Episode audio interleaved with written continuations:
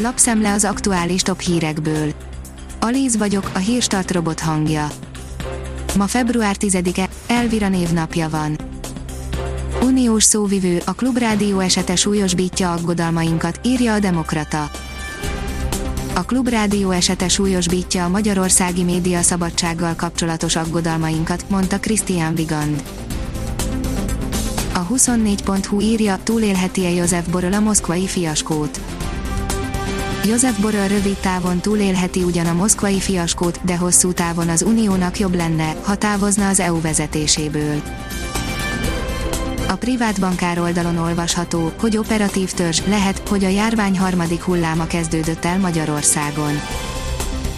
Több vakcina szállítmány is érkezik a héten, Budapesten oltanak az orosz vakcinával, egyebek mellett erről is szó volt az operatív törzs mai tájékoztatóján.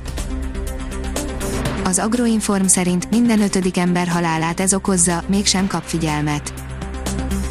2018-ban több mint 8 millió ember halt meg a fosszilis tüzelőanyagok miatt szennyezett levegő belélegzése miatt, ami az összes halálozás 18%-a. Ez a szám megdöbbentő, hiszen jóval meghaladja a korábbi kutatások alapján publikált eredményeket.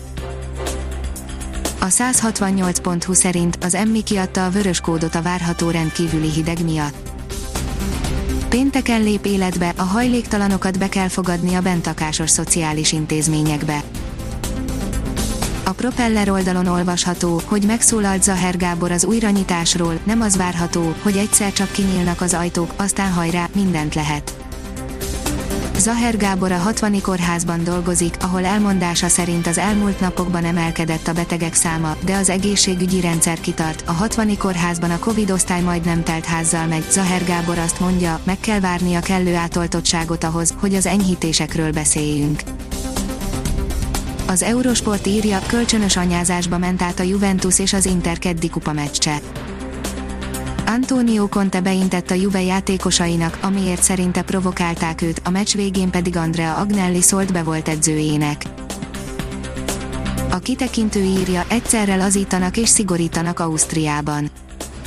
Ausztriában a koronavírus járvány megfékezését célzó 6 hetes teljes zárlat után újra kinyitottak az üzletek és a szolgáltatók, a belső lazítást ellensúlyozandó azonban szerdán az eddiginél is szigorúbb beutazási korlátozások léptek életbe.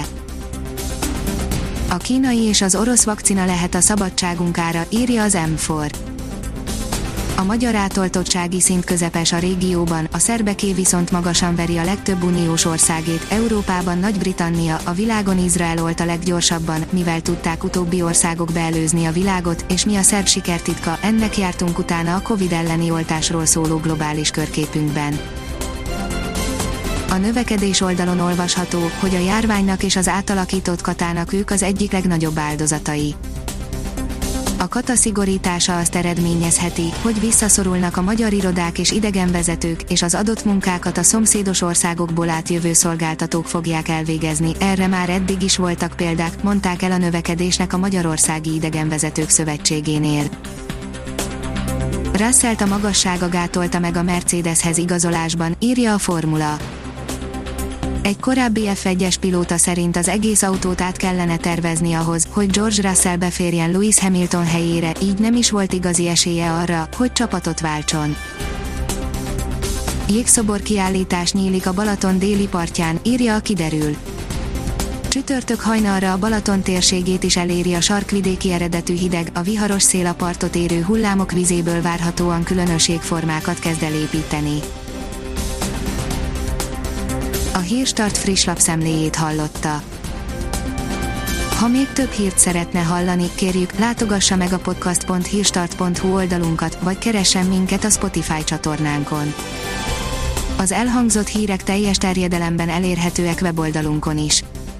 Ha weboldalunkon hallgat minket, az egyel korábbi adás lejátszása automatikusan elindul, beállíthatja, hogy az összes korábbi adás, vagy csak az aktuális tematika hírei következzenek. Köszönjük, hogy minket hallgatott!